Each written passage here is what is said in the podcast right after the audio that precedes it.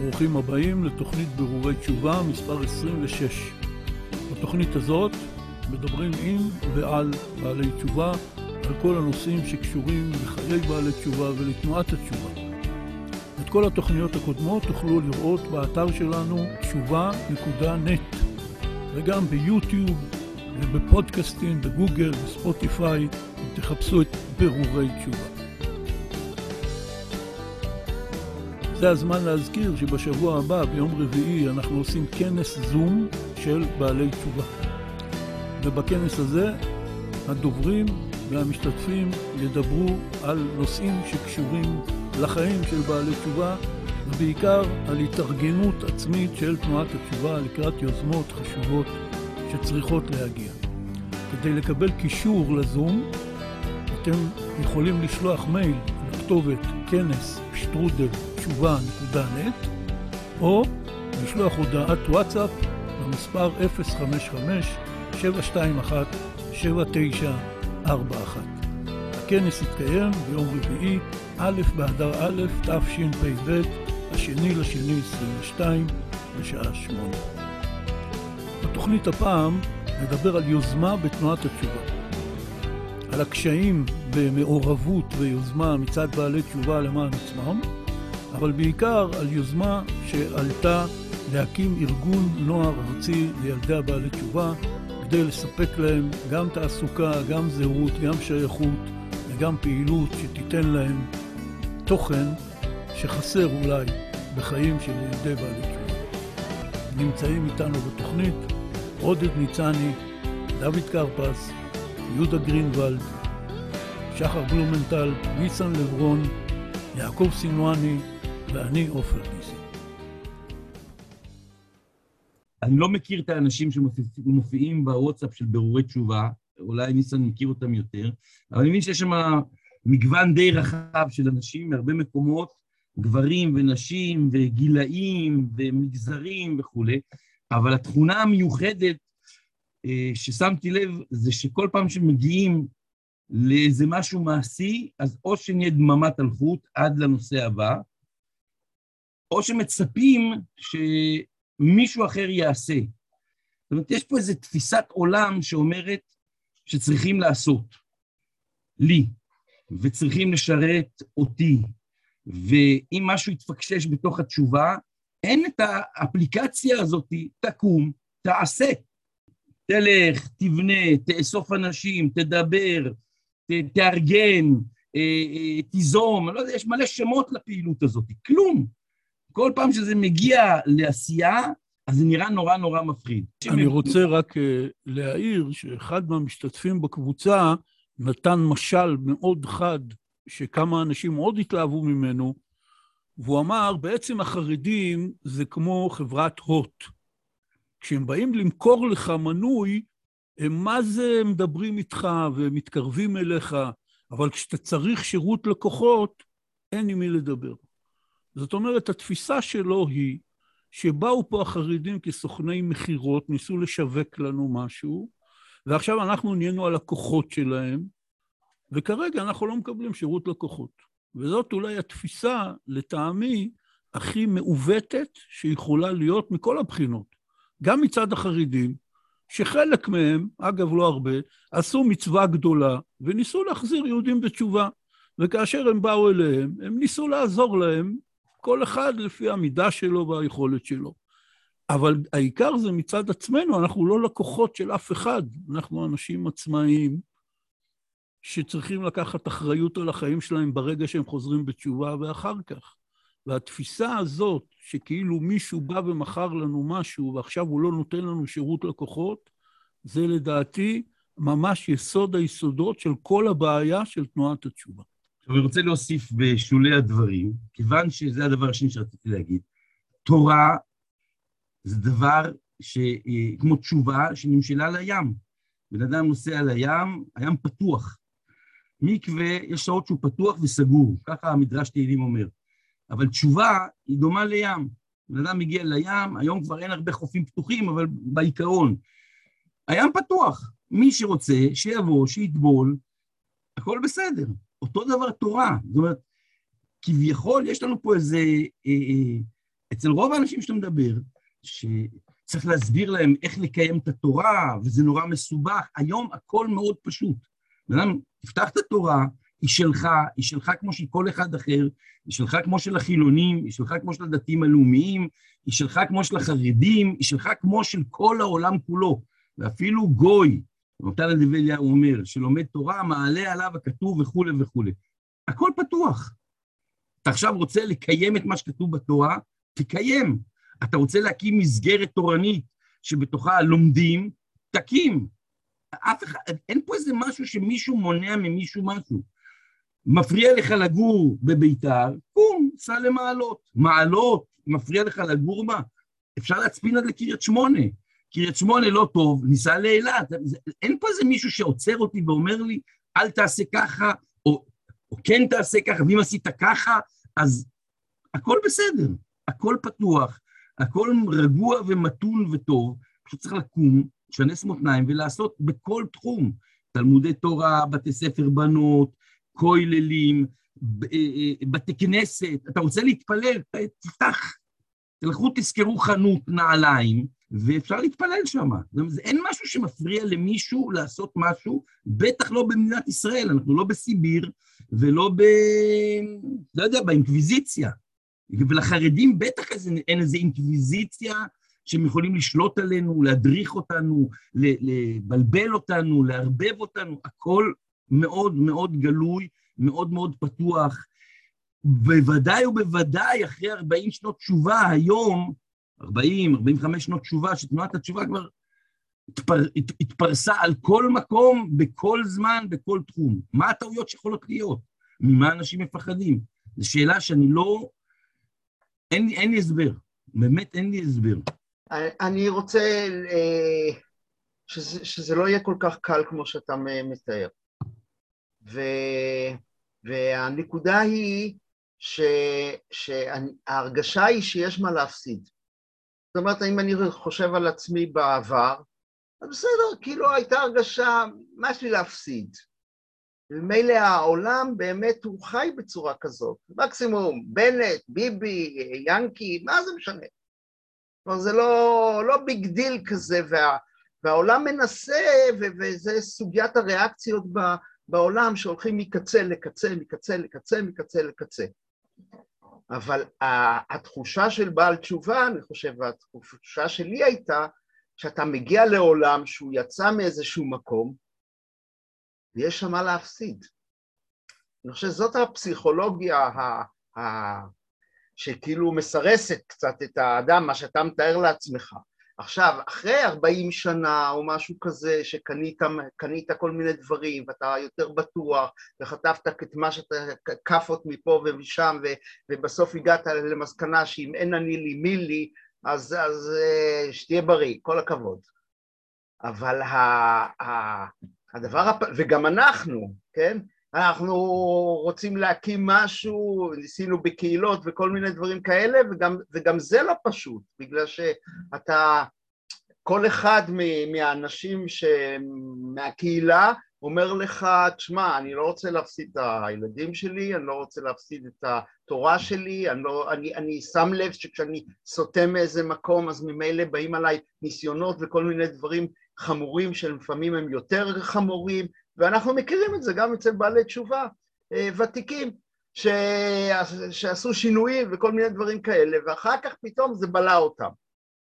אז ממילא הפסיכולוגיה, או מה שעומד מאחורי אותה, אותה בעיה שנקראת אה, לקחת אחריות על החיים ולעשות, היא שאתה נמצא במקום שהוא, אה, שהוא, יש פה מה להפסיד, יש פה מה להפסיד, ויש לו מסורת, ויש לו עולם, ובאנו מסיני, ואנחנו, גם התורה היא, אה, גם, גם התורה היא, היא מחייבת, אתה לא יכול להגיד מה שבא לך, ו, ו, ו, ואם אתה, אתה באמת תופס את, ה, את הרצינות של הדבר ואת האחריות של, של הדבר, אז ממילא זה לא פשוט.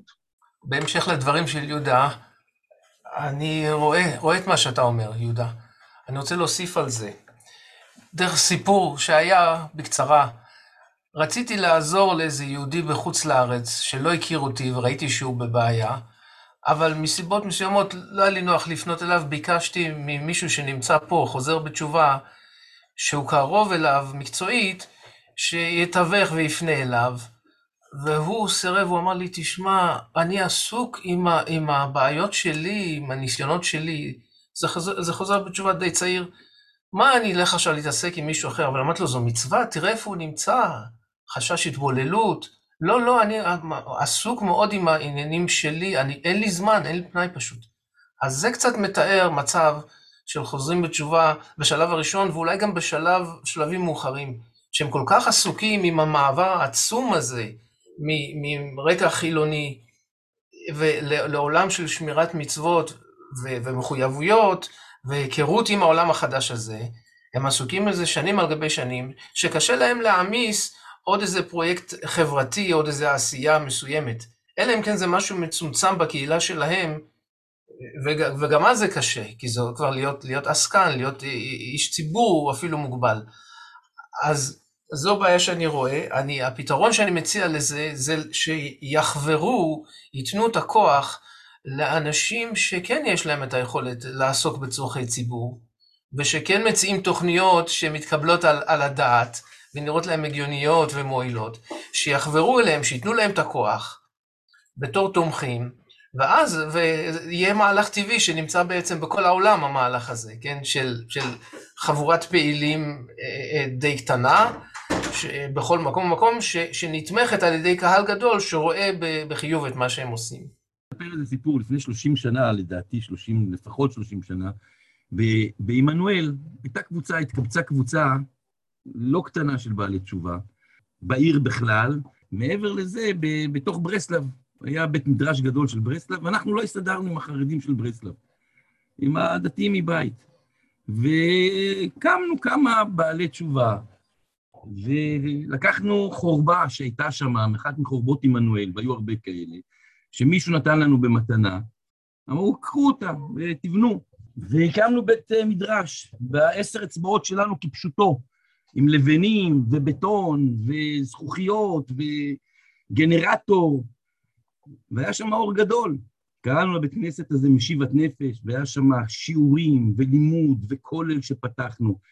זה לא בשמיים. עכשיו, לא היה שם אף אחד יותר אינטליגנט מהאנשים שנמצאים כאן, וגם בטח מהאנשים שנמצאים ב... במרחב האתרי של אה, קבוצות הוואטסאפ בעולם. היה שם שנתיים, שלוש, ארבע, חמש שנים של עבודת השם, אולי אפילו יותר, מלאה בכל טוב. זה מאוד פשוט, ארבע קירות עם חלונות, ספרים, לומדים, שמחים, אוכלים, מתפללים. תענוג, פשוט תענוג. זה כל כך קל, ואם היו לא מאה כאלה מקומות בארץ, אלף מקומות כאלה בארץ, לא שמחכים שמישהו יעשה. כשבן אדם קם ועושה, זה, זה לא צריך להיות מי שזה, אני עונה קצת לניסן לא וליהודה, לא צריך שזה לא, לא עסקן ולא איש ציבור ולא פעיל, קצת יוזמה. זה כל מה שצריך. אני רוצה להתייחס לכמה דברים. אה, קודם כל, עודד, אבל אמרת בתחילת דבריך שבאמת תנועת התשובה הלכה וגדלה והיא כל כך פרוסה על פני כל הארץ, שהיא בהכרח באמת דורשת איזה ייצוג ציבורי ש, שמאחד את כולם, כי בסופו של דבר לכל הבעלי תשובה, בין אם הם ברסלברים או בין אם חב"דניקים או ליטאים או משהו כזה, יש להם את ההתמודדויות שלהם ואת הצרכים המיוחדים שיש רק להם ואת המנטליות המיוחדת שיש להם, והם צריכים איזה ייצוג. עכשיו, הייצוג הזה, אם אנחנו נחכה עד שייצוג כזה יקום, אז uh, מסתבר שזה לא יקרה בזמן הקרוב. מה שאני חושב ש, שצריך לעשות בקטע של לקחת אחריות, משהו באמת פרקטי, קודם כל אני חושב שנמצאים כאן אה, בפורום הזה, חוץ ממני, כולם פה הם בהחלט אנשים שליחי ציבור של עולם התשובה ומאחוריהם יש לדעתי כמה מאות אנשים ולא צריך יותר מזה ואפשר להתחיל מכמה מאות אנשים ש... ובעצם לחשוב ביחד על איזה פרויקט מסוים שעונה על צורך שהציבור הזה צריך. עד, עד לא מזמן למשל היה את הפרשה עם ולדר שזה בעצם עורר צורך גדול מאוד בציבור, לציבור החרדי בעיקר, אמ, איך להתמודד עם המוגנות של הילדים שלנו, שזה דבר כל כך בסיסי ודבר כל כך אמ, פשוט, ש, שזה לא ייתכן ש, שדווקא בחברה הזאת הדבר הזה יהיה כל כך אה, לא ברור מאליו. אז אם למשל היה קם איזה גוף כזה שנותן את ההגנה לבעלי תשובה בדיוק בתחום הזה, ספציפית, והיה עושה את המעשה הזה כמו שצריך, אז מכאן הוא היה מקבל תמיכה ציבורית עוד יותר גדולה, ובעצם היה יכול לעשות דברים נוספים. זאת אומרת, אני אומר, אם אנחנו באמת רוצים להתחיל על איזה משהו פרקטי, בואו נחשוב על איזה צורך מסוים שאנחנו יכולים לממש אותו עכשיו. נעשה אותו כמו שצריך, ומשם נמשיך להתקדם. אני חושב שכאילו בעיות, בעיות בעיקר אנחנו מגלים כשאנחנו תוך כדי עשייה ולא כשאנחנו מחוץ לעשייה ומנסים להסתכל עליהם מבחוץ ורק uh, תוהים מה יכול לקרות אם נבוא ונעשה. אני כאילו אומר בואו פשוט להתחיל לעשות, זה לדעתי מה ש... לעשות בקטן.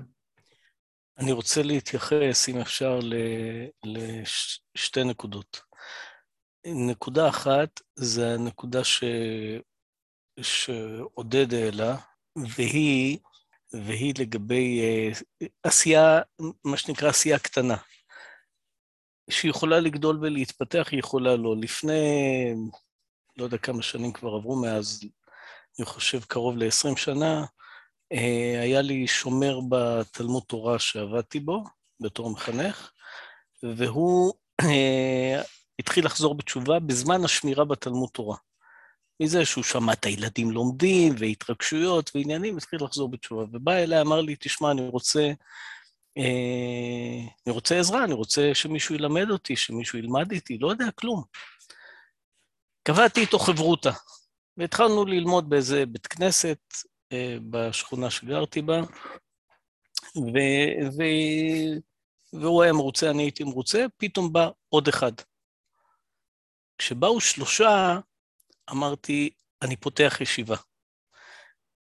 והם היו צריכים מקום לישון, ומקום לאכול, ומקום ללמוד.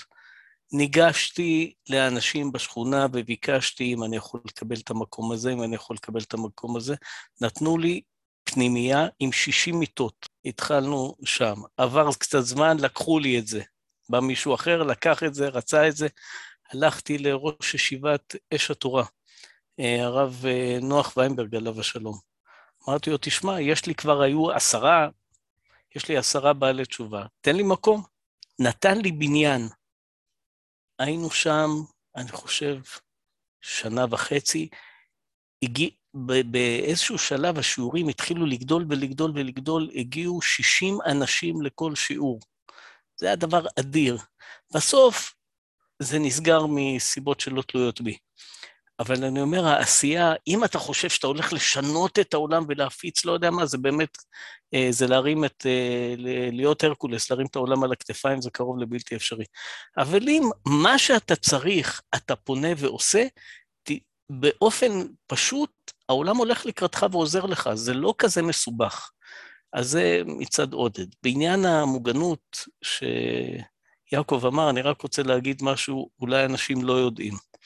אבל בבתי ספר חרדים, מה שנקרא חיידרים, ובבית יעקב, אני כבר חמש שנים, יש אצלי בתלמוד תורה, אולי שש שנים, תוכנית מוגנות, שמועברת כל שנה מחדש, וככה זה בכל תלמודי התורה כמעט בארץ.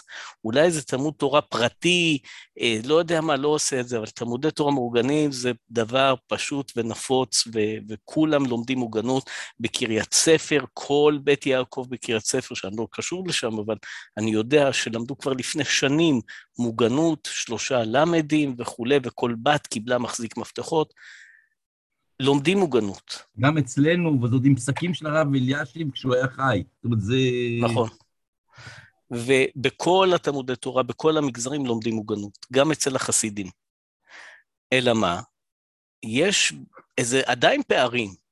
זה לא קשור, ולדר זה לא, תופעת ולדר זה לא בגלל שלא למדו מוגנות. זה למרות שלמדו מוגנות. זה, וזה גם, גם עם גדולים וקטנים וכל מיני זה. יש, ו, ולא צריך את ולדר. תופעת המיטו באה ואמרה בכל העולם שיש תקיפות, ואנשים לא עושים עם זה שום דבר. הם ממשיכים שנים להיות בתוך העניין. אז זה לא הציבור החרדי המסכן שהוא הלא בסדר, כולם לא בסדר. וכולם כן בסדר. וכאן נחזור רגע, דרך המוגנות שאתה אמרת, אני רוצה לגעת בנקודה אולי שהיא הנושא. אני הרבה פעמים שואל את עצמי וגם שואל את הילדים שלי בשולחן שבת, בעיקר אחרי התפוצצות פרשת ולדר, אתה הולך ברחוב ואתה רואה אדם מרביץ לאשתו, אתה מתערב או לא? אני אומר שכל מי שאומר בטח, הוא לא מבין את הפסיכולוגיה האנושית הטבעית שלו. באותו רגע שזה קורה, הוא יגיד לעצמו ככה, תראה, זה בטח, דבר ראשון, זה לא מהמגזר שלי או לא מהחברה שלי, אני לא מכיר אותם, מה אני אתערב להם. אלף ואחד תירוצים המוח מתרץ לעצמו והוא ממשיך הלאה. אותו דבר, דרך אגב, אם הוא רואה אבא שמוריד לבן שלו סטירה מצלצלת ברחוב, הוא לא מתערב. גם אם הוא רואה בן אדם ששורט את האוטו של מישהו במגרש חניה בסופר, הוא לא אומר לו, הלו, שרדת את זה, תשלם לו, תשאיר לו פתק, הוא לא מתערב. אנחנו לא מגלים מעורבות במה שקורה סביבנו בגלל כל מיני פחדים פנימיים, שאני לא יודע אפילו את המקורות של הפסיכולוגים שלהם, אבל רובנו, רובנו, רובנו לא מתערבים בדברים שאנחנו יודעים שהם לא בסדר. אז עכשיו לצפות גם שלא רק שנתערב, סתם נגיד לו, הלו, היי, אלא גם נקבל אחריות ונעשה יוזמה, זה דבר קשה מאוד. זה דבר קשה להיות יוזם בתוך העולם שמחליש אותך ומקטין אותך. הרבה פעמים אני חושב שכל מי שיושב כאן, אולי, לא אומר כולם, אבל רבים היה לנו יוזמות, וסיפרנו את זה למישהו, ואה, תעזוב, כאלה, זה לא יצליח, זה לא זה, ומקררים אותך ומחלישים אותך ומקטינים אותך. עכשיו, יש אנשים שלא צריכים שמישהו אחר יגיד להם. הם יודעים להגיד את זה לעצמם. ואז הם מקטינים את עצמם, וכמו שכבר אמרנו הרבה פעמים, ונהיה בעינינו לחגבים וכם היינו בעיניהם. אדם רואה את עצמו כחגב, חגבון, והוא מבין שכל העולם רואה אותו כחגבון גם כן, ואז אין לו את הכוח הפנימי לעמוד מול העולם, כי הוא חושב, דבר ראשון, הרבה מאיתנו חושבים שמישהו אכפת לו ממני. שיחשבו עליי ויחשבו עליי כך ויגידו כך, אף אחד לא חושב עליך, כולם עסוקים לחשוב במה אתה חושב עליהם ואין להם זמן לחשוב, מה, לחשוב עליך. אז צריך לדעת את זה שהיוזמה לעשות היא אפשרית, היא גם לא חייבת להיות ענקית, והיא די פשוטה וקלה. יש היום המון עזרה שאפשר לקבל מהרבה אנשים איך ליזום ואיך לעשות. רק מה, צריך דבר ראשון לעשות, וצריך גם לדעת שאם נכשלת, זה לא מדד לעובדה שבפעם הבאה תיכשל. כמו שיש הרבה מצליחנים שאומרים לך שאת הלימודים הגדולים למדו מהכישלונות ולא מההצלחות. ולכן אני חוזר ואומר, בעצם אנשים צריכים לדעת, וזה לא קשור לבעלי תשובה, לא בעלי תשובה, שהם צריכים לקבל אחריות קודם כל, אחריות, אחריות על מה שקורה סביבם. ואם רואים עוולה, הם צריכים לנסות לתקן אותה, ואם הם רואים הזדמנות לייצר משהו שלא קיים, הם חייבים לעשות את זה במקום שאין אנשים, משתדל להיות איש. אליך, עודד. רציתי לספר קודם כל סיפור מרב אהרון ליב שטיינמן, ובמעבר חד, בקפיצה לאיזו יוזמה שאני חושב שיכולה להיות מעניינת. הסיפור מרב אהרון ליב שטיינמן הוא סיפור להרבה יוזמות. שבא אליו איזה יהודי ואמר לו שהוא רוצה לפתוח כולל. אז רב אהרון ליב שאל אותו איך אתה, הוא היה חכימא דיהודאי, אז סוג של, אז אז אמר לו, מה, אתה הולך להביא פרנסה לאברכים? אמר לו, יש לי כמה אה, נדבנים בארצות הברית, ומחוץ ל... אני, אני אסתדר ואני אעשה. אמר לו, יפה, לא רע. אבל אתה מצליח, הוא אומר, כן, קצת משרד הדתות, נסתדר. הוא אומר לו, ואברכים מאיפה? הוא אומר, תראה, אני מהכולל איפה שאני נמצא, עם עוד שלושה אברכים, כבר שלושה, יבואו עוד כמה ממיר ועוד כמה... אז הוא אומר, אבל האם ממיר ואלה שאצלך בכולל, איפה שאתם לומדים, יש להם כבר כולל. אז הוא אומר לו, כן, אז, אז אתה בעצם, אתה לא עושה כולל, אתה עושה ראש כולל. אני חושב שצריך להיזהר ביוזמות, בדברים שכבר קיימים, אז הם קיימים. עכשיו, הם לא טובים, אפשר לשפר. הם... לא צריך לעשות ראש כולל, יש כבר. כולל אם יש, הוא מסודר, ברוך השם, זה דבר ראשון. עכשיו, אני כן רוצה להגיד משהו, שבזמן האחרון אני חושב יותר ויותר, שיכול להיות יוזמה שהיא מאוד נצרכת, והיא יכולה להפוך למשהו כלל ארצי, והיא לא פוליטיקה, תנועת נוער. תנועת נוער זה דבר שאפשר לבנות גם חזון של תנועת נוער, אבל מעבר לזה, זה דבר שבכל מקום, בכל יישוב של בעלי תשובה, אפשר למצוא את האנשים שיקימו את זה. אפשר לרכב על פרויקטים קיימים, על, על מימונים קיימים, שישמחו לגדול, ולאט לאט לייצר משהו שהוא תשובה אה, קונקרטית, אבל גם פרקטית, לבעיה אקוטית, לבעיה שהיא קיימת כמעט אצל כל בעלי התשובה. אני מדבר על אה, תרבות הפנאי של הילדים. זה פעם בשבוע, זה פעמיים בשבוע, זה דברים שאנחנו היינו רוצים ללמד אותם, שזה סדאות, אה, כל מיני דברים שהם שייכים אצל, אצל כולנו כמעט, מאילת ועד אה, קריית שמונה, בכל מקום שנמצא. עכשיו, לא צריך הרבה. לא צריך בשביל להרים דבר כזה, זה לא תלמוד תורה, זה לא רשימה לכנסת, זה, לא, זה, זה צורך אמיתי. טוב, נתחיל, אני אתחיל, נאמרו פה הרבה דברים, נתחיל במה שעופר אמר בהתחלה, על המשל שאותו אחד אמר בקבוצת וואטסאפ, שאני גם אה, כופר במשל הזה וחושב שהוא אה, אכן מעוות, שהחרדים כביכול הם באו למכור לנו משהו.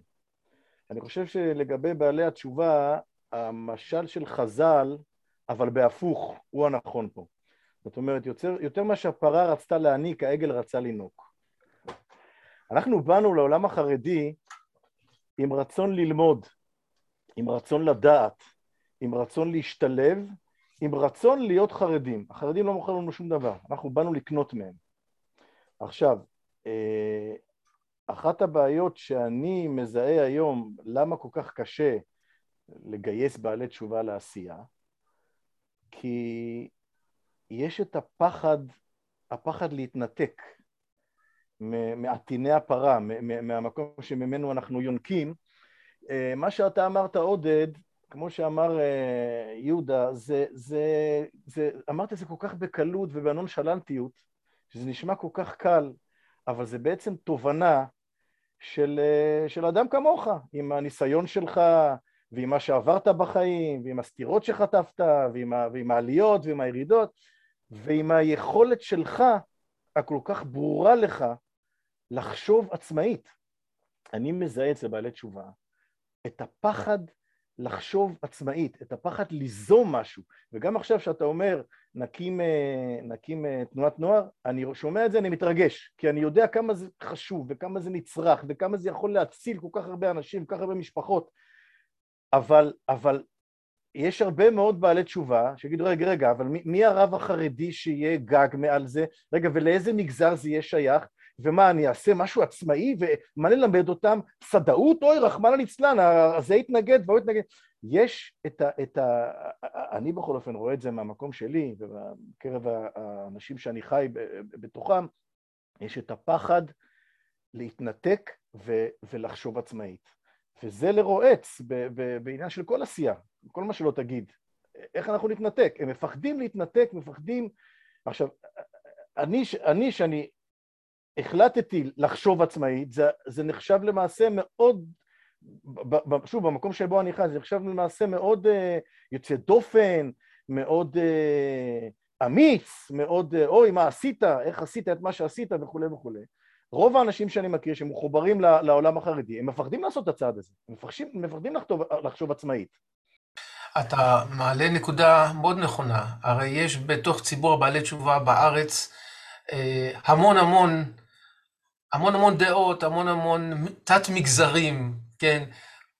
אחד שחור, אחד צבעוני, אז איך, איך יהיה מכנה משותף, איך אפשר? אבל אני אומר, כמו שלידה זה דבר לא קל ואפילו קשה במובן מסוים, ויש חבלי לידה, אבל בסופו של דבר יש יצירה חדשה. מישהו, גד ליאור פעם אמר באחד השירים שלו, כל, כל יצירה חדשה בעולם, היא מתחילה עם, עם חבלי לידה, חיים חדשים. חיים חדשים באים בהתחלה בכאב, במצב לא פשוט, עד שעוברים את זה, ואחר כך יש חיים חדשים בעולם. אז גם אנחנו, מה, ש, מה שמוביל אותי על כל פנים, ותגידו לי אם אני צודק, שבכל זאת יש פה דבר נדיר בעם ישראל שקרה בחמישים שנים האחרונות. דבר נדיר, עם כל הטוב שיש בעם ישראל, קמו המונים, עשרות אלפים, אולי מאות אלפים אנשים, ועשו מהפך ענק כזה בחייהם, לאמץ את תורתו של הקדוש ברוך הוא, כל אחד לפי דרכו, אין בעיה. האם, האם אפשר שהמהפך הזה, שוק של עצמו טוב ומצוין, שומרים תורה ומצוות. הוא לא יתרום המהפך הזה לעם ישראל יותר, הוא לא ייצור יותר מודלים ודברים יפים ש, שישפרו את החברה שאנחנו חיים בתוכה, את החברה הישראלית, ומפה גם אשתי מארחת בנות, תלמידות שלה, לשבתות, בחורות אמריקאיות שבאות מחוץ לארץ ללמוד בארץ. מצאנו ביניהם בנות של בעלי תשובה אמריקאים. הבנות של בעלי תשובה הן כבר נשים צעירות שבאות לפה ללמוד ולהתחתן ולהקים בתים. בנות של בעלי תשובה, אז יש לנו כבר דור שני ושלישי. ואנחנו רוצים שאת המיוחדות שיש לנו, כמו ששחר אמר בתוכנית קודמת, וכמו שכולם מסכימים אני חושב, יש לנו מיוחדות שאנחנו רואים דברים רחב, בגלל שבאנו הן מהרקע החילוני, והכרנו את החרדים, והכרנו גם את הדתיים-לאומיים, והשכלה רחבה יש לנו, ואהבה אל הטוב. אנחנו לא מצומצמים על ידי מגזריות, כל אחד בפינה הצרה שלו. רוצים להשפיע טוב, כמו שקיבלנו טוב, רוצים לתת את הטוב הלאה. אז, אז האם אנחנו לא יכולים למצוא דרכים, כמו למשל רעיון תנועת הנוער, שזה רעיון נפלא, אז צריכים רק להתעקש, אף על פי שאולי זה קשה, אבל אמרנו, כל, כדי שיצא דבר, חיים חדשים לעולם, חיים חדשים זה לא פשוט. ראיתם פעם איך צמח נובט מהאדמה? כשהיינו ילדים, נכון, הנבטנו שועית ודברים כאלה. אז כש, כשצמח נובט מתוך האפר, הוא צריך לבקוע לעצמו דרך עם קשיים ככה. הוא כולו, הוא כולו כמה רקמות עדינות של, של, של גבעול כזה של שועית או של דשא או של צמח. והוא יבקיע, כן, את, את, את האדמה שמעליו, את האבנים, הוא יבקיע ויעיר ויצא דבר יפה. אז לזה אני הקטן שואף, שאנחנו הבעלי תשובה נצליח להוציא כל אחד בדרכו את, את הדברים הטובים ואת השאיפות הטובות שיש לנו לטובת עצמנו ולטובת הכלל, לטובת עם ישראל בכלל גם כן. אני רוצה להגיד משהו לגבי העניין של התנועת נוער, שזה באמת רעיון ממש נפלא. כשאנחנו הקמנו את מרכז מענה לפני שמונה שנים בערך, מי שתמך בנו בצורה ממש נפלאה, זה היה הרב יצחק נריה. שהוא מרבני החרדים-לאומיים, אבא שלו זה הרב נחום נריה, וסבא שלו היה הרב משה צבי נריה המפורסם. הוא אדם מאוד חכם, רב, תלמיד חכם, אדם פיקח מאוד, והדבר שהוא כיוון אותנו מההתחלה, זה היה כשהוא ראה את כל הבעיות שיש לבעלי תשובה, שהבעיה המרכזית, גם המשפחתית, גם החברתית וגם הנפשית של בעלי תשובה, זה הבעיה עם הילדים. והרעיון המרכזי שהוא דחף אותנו זה שנקים תנועת נוער של ילדי בעלי תשובה ארצית. והוא היה מוכן לתמוך בזה כספית, יש לו מקורות וקרנות. ואנחנו לא, לצערנו, אז, לפני שמונה שנים, לא הצלחנו בכלל למצוא שותפים לרעיון הזה. יכול להיות שעכשיו המצב הוא אחרת, ובהחלט כן אפשר לעשות את זה. אחת הבעיות שנראית לאנשים במחשבה ראשונה, זה שבחברה החרדית אין תנועות נוער, ואז ממילא אולי יתנגדו לרעיון הזה. דבר שני, ממי נקבל את הפרקטיקה? וזו טעות עובדתית. 12 אחוז מהחניכים בתנועות הנוער בארץ זה החניכות של תנועת בנות בתיה של בית יעקב. הציבור החרדי הקים תנועת נוער לבנות לפני 90 שנה בפולין, בנות בתיה, זה קיים 90 שנה. הרעיון הזה של תנועת נוער, שזה נראה, מי מאיתנו שהיה בחיים החילוניים בתנועת נוער, זה נראה בדיוק אותו דבר. יש פעולות, ויש מדריכות, ויש חניכות, ויש כל מיני פעילויות כאלה. אני מניח שרוב הבעלי תשובה בכלל לא חשופים לעובדה הזאת. וגדולי ישראל לפני 90 שנה הקימה את זה בוועידת בנות אגודת ישראל, ככה קראו לזה. אני מניח שבתוך הציבור החרדי יהיו אנשים שהם יותר קנאים וקיצוניים אולי, שהם יתנגדו להקמת תנועת נוער לבנים, שאז כאילו ביטול תורה. אבל זה דבר שצריך לברר עם גדולי תורה, ואני מניח שאחרי שיציגו לפניהם את המצב, והרי כולם מודעים למה שעודד כינה בצדק בעיית הפנאי של הילדים, אני מניח שתהיה לזה הסכמה. כל העניין הוא, לפי מה שדיברתם לפני הרעיון של התנועת נוער, זה איך אנחנו באמת יוצרים שכבה של אנשים שהם מבינים שמעורבות, כמו שקראו לזה כאן, מעורבות חברתית ופעילות, זאת מצווה מן התורה. זה לא איזה סרח עודף. ניסן תיאר מצב, שבוודאי יש הרבה בעלי תשובה כאלה, שאומר, עזוב, אני עסוק בעצמי, אין לי זמן לאחרים. הרי זה נגד ממש יסוד התורה שאליה הוא חזר בתשובה. אבל ברור לגמרי שבכל חברה אנושית, והחברה החרדית או החברה של הבעלי תשובה היא לא שונה בזה, שרוב האנשים הם לא פנויים לזה והם עסוקים בעצמם, אבל תמיד צריך, וזה לדעתי, כפי שכבר אמרנו הרבה פעמים, הבעיה המרכזית של תנועת התשובה זה שאין לה, כמו למגזרים אחרים בחברה, כולל החרדים, שכבה של אנשים מעורבים ופעילים. וצריך להקים את השכבה הזאת. רק שכבה כזאת של כמה עשרות אנשים, אפילו לא צריך מאות, עשרות אנשים מחויבים, הם יוכלו להקים רעיונות כמו הרעיון של עודד, תנועת נוער, או דברים אחרים.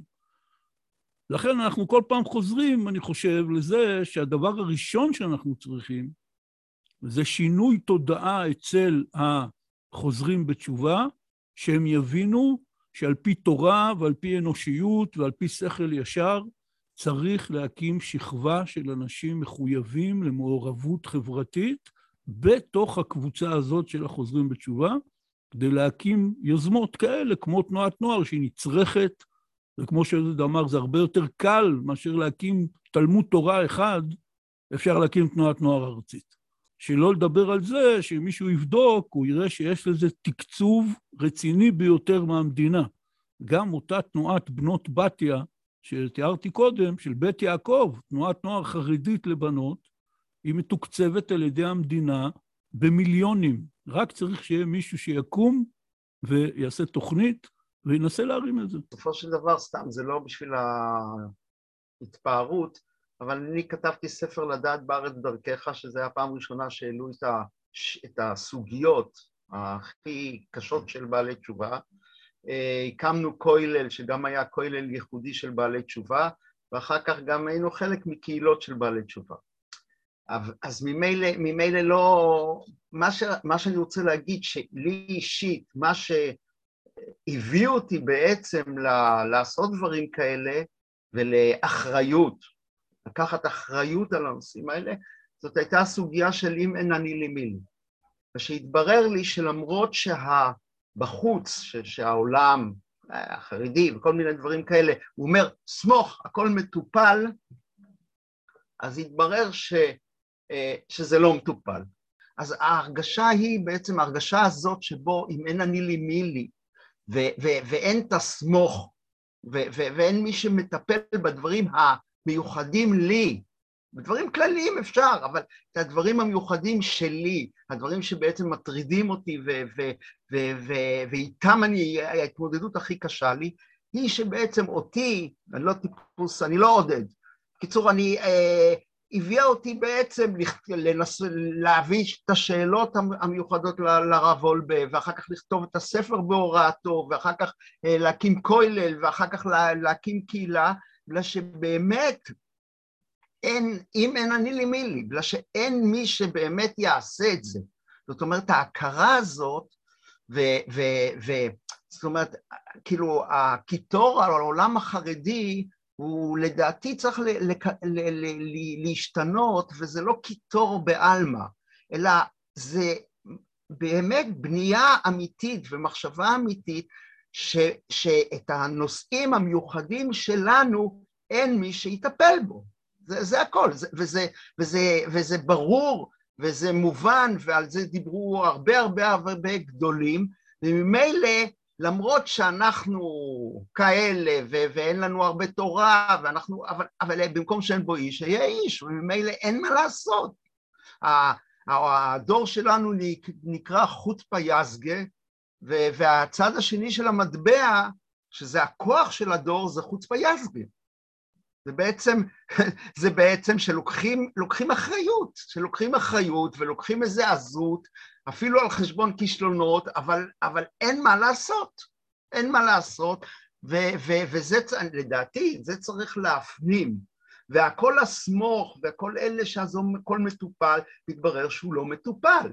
אני חושב שלושת האירועים ש, ש, שחווינו, קורונה, אה, מירון והסיפור של חיים ולדר, זה רק דוגמה שבאמת הדור במבוכה, כאילו גם הציבור החרדי במבוכה בדברים גדולים שהם אמורים להיות מטופלים. אז ממילא אין ברירה, פשוט אין ברירה. ולכן האחריות, אתה יכול, אתה יכול להתחבא ואתה יכול כאילו לדמיין שאכן הכל מטופל והכל בסדר, אבל אם בן אדם רוצה באמת להגיע לאיזה משהו ולה, ו, ואמיתי, ושיהיה מענה למה שהוא זקוק לו, בעלי תשובה במיוחד, אז ממילא צריכים לקחת את, ה, את הריסק ול, ו, ולעשות. עודד, העלית פה רעיון נפלא להקים ארגון נוער, תנועת נוער, וככה הזכרת בקצרה שיש לכם במעלות אה, גם תנועת נוער לבנות, לבנים, אני חושב שמאוד חשוב באופן מעשי שתספר לנו איך הקמתם את זה, מה עשיתם, למי פניתם, וכל המידע שיכול להיות לעזור לאלה שירצו באמת אה, לעשות את אותה יוזמה. למעשה, כבר בביתר, בתור קהילה של ילדים קטנים, הבנתי צריך אה, תנועת נוער, והיו כמה ניסיונות כאלה. זה די הוכשל על ידי חברי הקהילה או חברות הקהילה, שחשבו שהעיקר זה לקחת את הבנות, לספר להם סיפור מהבעל שם טוב, ואחר כך שיגידו תהילים. ואני התכוונתי לתנועת נוער אה, כמו ש... כהלכות תנועות הנוער. אה, וזה היה כמה וכמה לידות ועיבורים והפלות, וכשהגענו למעלות, אז יותר הקדשנו לזה זמן, ובסופו של דבר הקמנו פה אה, פעילות לנוער. במקרה גם הצלחתי לקבל שטח מהעירייה של גינה, גינה עירונית של 4-5 דונם, אז uh, נתנו שם עצים ועשינו פעילות, תבלינים, ערוגות, uh, סוכה, היה, היה מקום לפעילות כזאת, והמטרה הייתה שהילדים כשהם חוזרים בארבע אחרי הלימודים, uh, במעלות המציאות היא, היא, היא נגלית, זאת אומרת, קלקולים שיכולים לקרות בבני ברק או באלעד, במעלות אתה רואה אותם מול העיניים, כי אם הילדים בארבע גומרים ללמוד, ובארבע וחצי, חמש, הם יוצאים למטה ויורדים מהבית, או, או מסתובבים, אז uh, במגרש כדורסל הם יפגשו ערבים, uh, חילונים, uh, מכל הסוגים והמינים. צריך להיזהר מזה, זה לא דבר פשוט. אז באמת uh, גם היה מלחמות בין הערבים ליהודים, זה גם בעיה. הבנו שהבעיה היא אקוטית. אם אין אני לי מי לי, זה היה מול העיניים, זה לא ששולחים אותם והם מסתובבים בשכונה או, או, או בחצר המשחקים ליד הבית, אתה לא יודע מי, מי מקלקל אותם או משהו כזה, אבל אתה גם לא, הוא גם לא נראה אחד שמקלקל. אז אתה יכול לחיות על כנפי הדמיון. פה המציאות הייתה מאוד ברורה, והצורך היה מאוד גדול, זאת אומרת, גם ההתגייסות הייתה אחרת. התחלנו עם הבנות, אחרי זה המשכנו עם הבנים. שוב, עלה, ירד, עלה, ירד, ולפני אה, לא, לא מזמן, שלבים בעצמם ביקשו מאיתנו, כי יש להם עניין זה כדאי שידעו את זה. להם עצמם יש אינטרס להגדיל את כמות העדרי הצאן שנמצאים תחת חסותם ולהפוך מארגון לתנועה, כי את התקציבים אתה מקבל כפי כמות הראשים, הילדים שנמצאים בתוך תנועה, הארגון הנוער. והיה להם אינטרס... אתה יכול, להרחיב טיפה מה זה שלבים? אני לא כך מבין מה זה שלבים. שלבים זה מרכז שעוסק בעיקר עם בעלי תשובה, הקימה אותו ומממנת אותו בחלקו נחמה וולפסון, אלמנתו של הנדבן הידוע הזה וולפסון, ומנהל את הארגון הזה אילן קוסמן. עובדים שם כמה בעלי תשובה. הם עוסקים בחוגי העשרה לעשרות תלמודי תורה, בעיקר של בעלי תשובה בארץ. יש להם כל מיני תוכניות להכשרה לתעסוקה. ארגון פעיל מאוד בתחום התעסוקה, בתחום החברה. ועכשיו אני שומע לראשונה מאוד שיש להם גם את העניין הזה של ארגוני נוער. והם מממנים לנו כיום משהו שכבר היה, משהו שכבר עשינו. הם מממנים לנו היום שני אה, פעילים, שני אברכים מהקהילה, שמקבלים איזושהי משכורת קטנה וצנועה, זה תוספת, האנשים האלה עובדים בעוד מקומות, אבל אה, זה גם מחייב אותם. ויש תוכניות, הפעלות, אה, כנראה שיהיה גם איזה משהו ארצי, מפגשים וכולי וכולי וכולי. זה דבר שהוא לא, לא, ממש לא בשמיים. עכשיו, כל מקום שיהיו 20, 30, 40 משפחות של בעלי תשובה, עם עוד קצת אנשים מסביב, ולכל אחת יש שלוש, ארבעה, חמישה ילדים בגילאים כאלה ואחרים, אתה מקים תנועת נוער של 50-60 ילדים בקלות. כשאתה מרכז כיתות ג', ד', ה', ו', אז אתה מוצא איזה סמינריסטית שלוהט אותם. אנחנו לקחנו פה מהאולפן הבנות שעשיתי להם איזשהו רעיון, והם נראו, נראו לי חרדיות מספיק, או יראות שמיים מספיק, לא חרדיות מספיק, יראות שמיים מספיק, אה, ואפילו יותר ממספיק. והם באו והיו עם הבנות.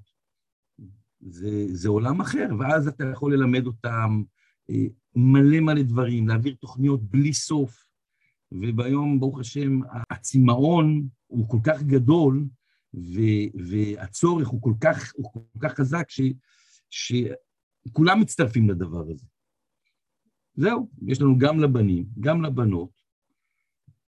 אפשר לעשות משהו ארצי כזה, והתכנים שאצלנו זה לא בהכרח התכנים, הסגנון שאצלנו הוא לא בהכרח הסגנון שבמקום אחר. כי כל אחד הוא בצביון שלו. אז יאללה, אז בואו נחשוב אה, מה, מה עושים בשביל לקדם את זה, זה באמת נשמע רעיון מצוין, זה בטח ילדים שם ב, בתנועת נוער מקבלים, בפרט ילדים של בעל תשובה מקבלים דברים שהם לא מקבלים במקומות אחרים. אמ, אז יש, זה כבר קיים במקום אחד, אז פשוט צריך עכשיו לחפש עוד איזה מקום לעשות את זה. אפשר, לדעתי אם כבר יש פעילות, אפשר ממש לעשות איזה אתר, להביא משם תמונות, להביא ילדים או נערים שמספרים חוויות משם ו... ולהנגיש את זה לציבור. עוד אנשים יראו את זה, ירצו לקחת את המודל הזה לעצמם. אני חושב שאם מהכנס הזה שאנחנו עושים באלף אדר, א', יהיה רישום לדבר כזה, ואפשר יהיה לעשות פגישת זום כזאת, עם רישום של כל מיני אנשים שמעוניינים במקומם לעשות דבר כזה, אפשר לצאת לדרך. זה לא בשמיים. התחלנו עם העניין שבעלי תשובה צריכים לקבל אחריות, רצינו לדבר על למה הם לא מקבלים אחריות. אחר כך עברנו לדבר על מעורבות, ואז יעקב אמר, בואו נעשה איזושהי יוזמה, העלה את היוזמה הזאת, והנה מתוך דיבור ושיחה עולה רעיון שכבר ממש יש ראשי פרקים איך מלבישים אותו עור וגידים. ואני חושב שבדיוק כמו בנושא של מוגנות, שעלה פה ככה לכמה דקות, ודוד פשוט האיר את עינינו שזה לא כצעקתה, וזה לא נכון שאין תוכניות למוגנות בציבור החרדי וכל ההאשמות האלה, אלא זה עובד כבר שנים, ויש פעילות. וכמו שעלה פה מרכז שלבים פתאום, ושחר שאל מה זה, אז אני קצת מכיר את אילן קוסמן, אז אמרתי מה שאני יודע. עודד הוסיף לנו את העניין הזה. מתברר שיש בעולם פעילות, ויש בעולם אנשים שעושים, וכל מה שאנחנו צריכים, כמו שיהודה הדגיש את הכלל ברזל הזה של חז"ל, במקום שאין אנשים, השתדל להיות איש. כל מה שאנחנו צריכים, באמת, זה להפיץ את הבשורה הזאת. יש מה לעשות, ויש אמצעים לעשות את זה. רק צריך שיהיו כמה אנשים שיקומו ואיך אומרים, ישנסו מותניים, וייכנסו לתוך הפעילות הזאת. אני רק רוצה להבין, אם אה, שלבים כבר יש להם... אה, פורמט. יש להם פורמט, אז, אז לא צריך להקים משהו. צריך רק להתחבר ולרוץ עם זה. ולהפוך להיות אוטונומיה שהיא בונה את עצמה בתוך המקום הזה. בסדר, אני אומר, אני, אני מסתכל כרגע באתר של שלבים, אני רואה את זה יחדיו, ארגון נוער וכולי. מצוין, יופי. אפשר להתחבר לזה, והשאלה היא איך זה, האם זה משרת באמת אותנו כבעלי תשובה? האם זה, זה נותן כאן איזה ערך, איזה יעד, איזה משהו, או שזה סתם בגדר התעסוקה של אחרי צהריים. ועל הארגון נוער הזה, חוץ מהתעסוקה אחרי הצהריים לילדים, יש פה את הדבר הכי חשוב, שכולם מעלים אותו, שזה נותן לילדים זהות, שייכות וגאוות יחידה. בגלל שהם חלק מאיזה ארגון של ילדים של בעלי תשובה, וזה דבר עצום, זה דבר שיכול לתרום להם לאורך כל החיים. וכמו שאני לא שוכח את התנועת נוער שהייתי בה בימי ילדותי, אחרי 50 שנה ויותר, אז גם הם, יהיה להם מה לזכור. צודק. אולי. זה לא רק זה.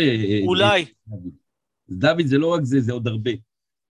זה נוער שאתה יכול לעשות איתו מלא מלא דברים. ובביתר אתה יכול להפעיל עם שלושה, ארבעה חבר'ה, מעלות שניים, אה, וכולו וכולו וכולו, על זה הדרך. ופתאום נהיה שנאספים בקיץ ביחד, ועושים איזה מחנה, זה, זה בוא, אפשר להתקדם עם זה למלא מלא מלא דברים. אני חוזר ואומר, אם זה כבר פורמט קיים, אז לא צריך להקים אותו. זה הרבה יותר קל, מתחברים לזה. אז זה לא יוזמה שצריך להקים, זו יוזמה קיימת, צריך להצטרף אליה. אז, אז עודד קורא לכל מי שרק יכול להצטרף ליוזמה. אז אם זה כך, אז אני חוזר ואומר, אז זה לא מקימים תנועת נוער, דרך אגב, זה לא בעלי תשובה עשו את זה, אלא זה ארגון שקיים, שעושה את זה, וזה מצוין, סבבה, אז יכול להיות שזה נותן משאבים בתוכניות ודרך ו- וארגון וכולי, אז יופי, אז אנחנו, בסך הכל זה להיות זכיין ולהצטרף. אולי צריכים לרכב על הפלטפורמה שלהם ולתת את התכנים שלנו כקבוצה גדולה, זה המטרה. לא שאילן קוסמן, או לא משנה, עם כל הרצון הטוב שלהם, ינהלו לנו את תנועת הנוער, אלא שייווצר הרבה הרבה קבוצות שהם קינים, או איך שתקרא לזה, סניפים, לכל אחד והשם שלו, לתנועת הנוער שלנו, שהם יהיו ביחד בצורה כזאת, שאנחנו נוכל להיות אלה שיוצקים את התכנים לתוכם. לא אנחנו, אנחנו בעלי תשובה, זו הכוונה, בכל מקום. ואיך אנחנו נתחבר בינינו כדי לקבוע ביחד מה התכנים? או, על זה צריך ללכת ולעבור ממקום למקום, ומהכנס הזה לראות איך אנחנו בונים את עצמנו. אם אנחנו מגיעים ביחד לשלבים, אומרים שלום, אנחנו 15 מקומות חדשים שרוצים להצטרף אליכם.